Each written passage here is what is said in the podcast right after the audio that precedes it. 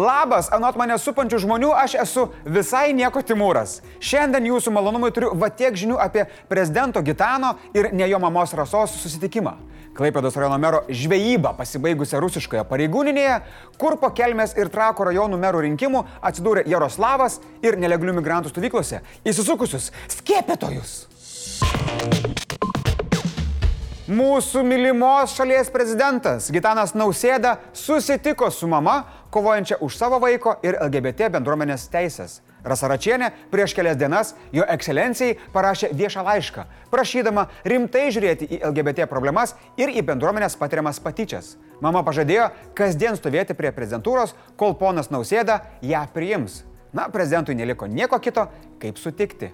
Prezidentas po susitikimo pats nekalbėjo, žurnalistams pakomentavo dialogo su maršitais mesgėjas, prezidento patarėjas Povilas Mačiulis.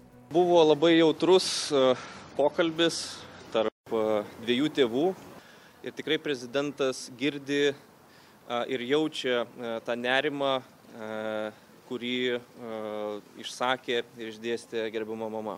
Esame lietuviai, galime sugyventi vieni su kitais. Abstrakcijų karalius, mėginantis įtikti visoms pusėms, realiai nieko ir nepasakė. Žinau, iš ko išmoko. Beje, prezidentas ateityje neketina susitikti su LGBT poromis. Kodėl? Na, prezidentas tikrai pažįsta e, ne vieną porą, e, bendrauja ir žino šitų žmonių problemas. Tai e, turbūt kažkokio atskiro susitikimo tam ir ne, tiesiog nereikia. Pakartosiu, nes sunkiai įtikėtina. Prezidentas nesusitiks su LGBT poromis, nes pažįsta LGBT porų ir su jomis bendrauja. Labai gerai pasakė Rasa. Prezidentas sakė, kad jisai turi asmeniškai šitų pažinčių, e, valgo kartu pizzas. E, aš jo klausiau, ar neužsikrėtė dėl to homoseksualumu, sakė, nu ne. Rasa irgi turėjo nuomonę, kaip praėjo pokalbis. Uždaviau prezidentui klausimą, ar šiandien Lietuvoje visi žmonės turi lygias teisės jo manimu. Ir iš jo atsakymo, sakykime, aš tikrai galėjau suprasti, kad ne. Labai įdomu, ar žodžiai virs darbais ir Lietuva pagaliau turės tą partnerystės įstatymą, nes yra tik šešios ES valstybės, kurios to nėra padariusios. Akivaizdu, kad prezidentas atsakomybę permetė Seimui. Praėjusią savaitę Rasa Račienė laišku prezidento prašė trijų dalykų - skleisti Lietuvą vienijančią, o ne skaldančią retoriką apie LGBT problemas kalbėti su pačia bendruomenė ir laikytis pažado dėl partnerystės įstatymo. Arba kitaip tariant. Labai tikėčiausi prezidento asmeninės tos nuostatos, kad jam nuoširdžiai pradės rūpėti visi žmonės, neskirstant jų nei pagal nieką. Šeštadienį Daukanto aikštėje susirinko rasą ir kitas homoseksualių vaikų turinčias mamas palaikančiųjų burelis. Renginys kvietė mamas, tačiau buvo šeimų su vaikais bei vyrų. Susirinkimas buvo labiau simbolinis, nes prezidentas jau buvo pažadėjęs priimti rasą. Liberalių pažiūrų visuomenininkai ir politikai kritikuoja Nausėdą dėl jo konservatyvių nuostatų LGBT klausimų ir ragina tvirčiau ginti šios bendruomenės teisės. Daugumą nustebino ir keisti prezidento žodžiai, kuriais jis sutiko priimti rasą. Jis užsiminėjo vatabautizmu, sakydamas, kad rasa turėtų pagalvoti apie visas kitas visuomenės grupės, kurios patiria patyčias. Na, puikus prezidentinis patarimas. Taip, rasa, jūs pagalvokit apie visus. Visus iš eilės. Galvokit, galvokit ir nieko dėl to, ką galvojate, nedarykit. Nes tada nebegalvosite, bet turėsite nuomonę, o tada jau teks kažką dėl to, ką galvojate, daryti. O daryti yra labai baisu. Geriau galvoti. Nu, o dabar vienas geras trumpas.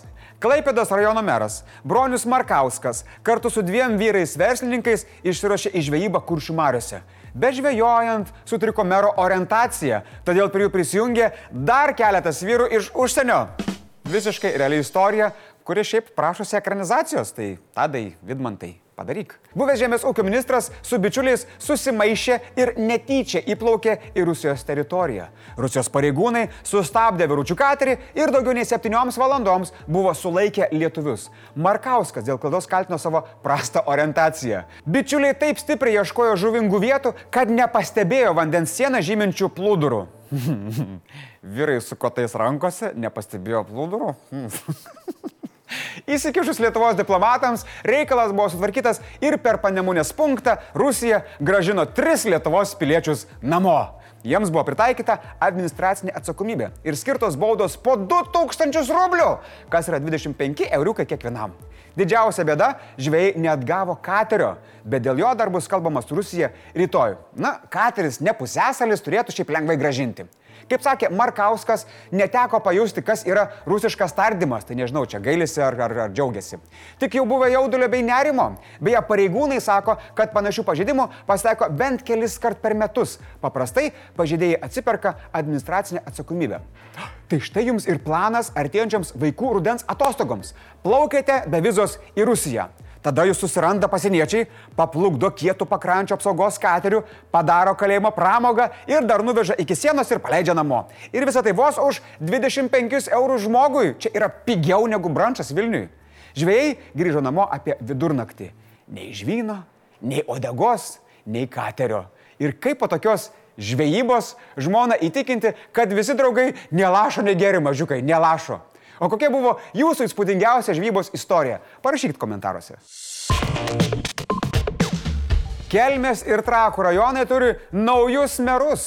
Garbingą kėdę Kelmės rajono savivaldybėje laimėjo savarankiškai išsikėlęs kandidatas Ildefonsas Petkevičius, čia tikras vardas. O Trakų rajone liberalas ir beje šiuo metu jauniausias, 30 metų turintis rajono meras Andrius Šatevičius. Kelmėje Ildefonsas pergalę pelnė užtikrintai. Yes surinkęs daugiau nei du trečdalius rinkėjų balsų savo oponentui, socialdemokratui Stasiu Jokubauskui palikęs likusį trečdalį. Tuo tarpu Trakų rajone Tomaševskio draugas, na gerai, bent jau bendražygis Jaroslavas Narkevičius dar šiek tiek kovojo su Šatevičiumi, tačiau galiausiai pasidavė ir nusileido. Šatevičiaus pergaliai įtakos gal turėjo ir mano kolega Andrius Tapinas, praėjusią savaitę pakvietęs dar kartą stoti į kovą prieš Voldemorto tarnus. Ir Voldemortas dar kartą pralaimėjo. Aha. Ir viskas teisėtai, sąžiningai. VRK ir policija po rinkimų teigia, kad antrasis turas įvyko be didesnių pažeidimų ar incidentų. Dar geriau VRK pirmininkė Jolanta Petkevičiane nudžiugino rinkėjų aktyvumas. Trako rajone bendras aktyvumas buvo didesnis, bet ir kelmėje visai nieko. Abu išrinkti kandidatai dar kaip ir nėra oficialiai patvirtinti VRK, bet jau galvoja apie būsimus darbus. Petkevičius Kelmėje pirmą ruošiasi atlikti šiokį tokį inventorizacinį darbuką, įvertinti situaciją ir pažiūrėti prieš tai buvusių žmonių klaidas. Po to ruošti naują veiksmų planą. Plane tikriausiai atsiras vietos ir pagalbai verslui, nes dabar, sako meras, yra nemažai nusiskundimų, kad biurokratija trukdo jam vystytis. Na, man įdomu, ar buvo kada nors, kad biurokratija netrukdytų verslui. Šatevičius sako, irgi veltui laiko neleidžia. Paruošė penkių įsipareigojimų arba penkių dar planą. Dar geresnis susisiekimas, dar daugiau galimybių jaunoms šeimoms, dar gražesnė aplinka, dar efektyvesnė ir skaidresnė įmonių veikla, dar daugiau erdvių aktyviam poilsiui ir laisvalaikiui. Ir irgi pabrėžia, kad dirbs kartu su verslu. Kalbant apie pandemiją ir darbus savivaldybėse, abu merai teigia, jog reikia pasitikėti specialistais ir šios ryties profesionalais. Na, bent jau kažkas tai supranta. Uf. Tiesa, galimai stebėtės, kaip čia įvyko merų rinkimai, bet nematėt nei Visvaldo Matiešaičio, ar Šustausko, nei kvailų Zuoko agitacinių klipų. O taip nutiko dėl to, kad merus rinko tik Kelmės ir Trakų rajonai, nes prieš tai buvusi Kelmės rajono merą Vaclavą Andrulį nuėmė dėl korupcijos, o Trakų rajono merė paliko savo valdas ir išėjo dirbti į Seimą. Na, reikia pripažinti. Ir džiugu, ir liūdna, e, kad tai buvo tvarkingi, tokie normalūs rinkimai. Tai bravo mūsų demokratijai. Kol kai kurie pasienį įstrigę migrantai išgyvena ne pačius geriausius laikus, kiti bando mėgautis Lietuvos geležinkelių teikiamais patogumais. Apie pusę septynių ryto Vilniaus geležinkelio stotyje sulaikyti traukiniu iš Varėnos vykę šeši neteisėti migrantai. Akivaizdu, kad vyrai grybavo. Po išlaipinimo jie buvo pristatyti valstybės sienos apsaugos tarnybos Vilniaus pasienio rinktiniai. Pirminiais duomenimis visi sulaikyti migrantai yra pilnamečiai vyrai, kokia jų tolimesnė lemtis kol kas neaišku. Nebent aišku tai, kad šiandien nespės pasiskiepyti, nes kol jie buvo sulaikyti, Rūkloje veikiančiame pabėgėlių prieimimo centre pradėtas migrantų vakcinavimas nuo koronaviruso. Pfizer vakcinomis čia skiepijamos pažeidžiamiausios grupės - šeimos, vienišos mamos, vaikai nuo 12 metų, seniorai ir žmonės su negale. Tai čia kaip ir visi gaunasi. Kai kurie migrantai jau buvo paskiepyti dar vasarą, kol nebuvo perkelti į Ruklą. Dalis jų pirmą vakciną gavo kitoje valstybėje, pavyzdžiui, Turkijoje. Nors nuo pirmo pasiskiepimo kai kuriems praėjo jau keli mėnesiai, tačiau jiems buvo leista gauti antrą skiepą. Migrantai minėjo, kad neturėjo abejonių dėl skiepo. Jie nori apsisaugoti nuo viruso. Jis sakė, kad informacijos netrūko ir tikino, kad skiepytis nori dauguma. Nacionalinio kraujo centro vadovo teigimu iš daugiau kaip 4000 migrantų maždaug ketvirtadalis yra pasiskiepiję. Po trijų savaičių vakcinavimo komanda grįž į stovyklą revakcinacijai. Ketinama vykti ir į kitus migrantų centrus. Kažin ar nuvažiuos į didžiausią migrantų centrą Baltarusiją? Ai ne, ten nėra gyviruso. Ha. Blitz naujienos. Ginkluotosios pajėgos suėmė kelis Sudano lyderius, o svarbiausias generolas paskelbė nepaprastąją padėtį. Įtampa tarp kariuomenės ir civilinės perinamo laikotarpio valdžios institucijų tvyro jau kelias savaitės. Junktinės tautos pareiškė, kad sulaikimas yra nepriimtinas, o ES ragina atkurti politinį perinamą laikotarpį. Paaiškėjo, kad tragiškasis incidentas nutiko, kai aktorius Alekas Baldvinas per repeticiją treniravosi ištraukti rekvizito ginklą iš dėklo ir nutaikė jį į kamerą. Šūvis praėjusią savaitę, filmuojant juostą Rust, pražudė operatorę Halina Hutchins ir sužydė režisierių Joelį Sauzą.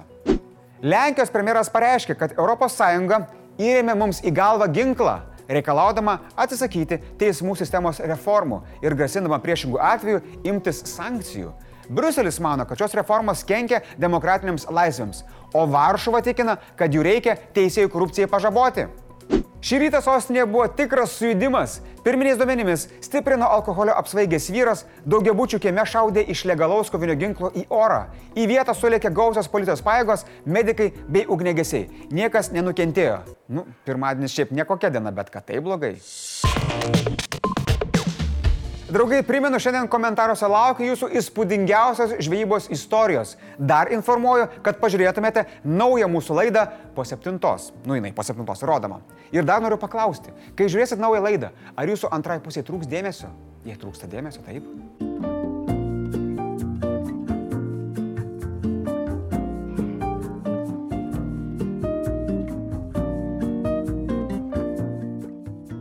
Šiandien tiek žinių, iki rytojaus.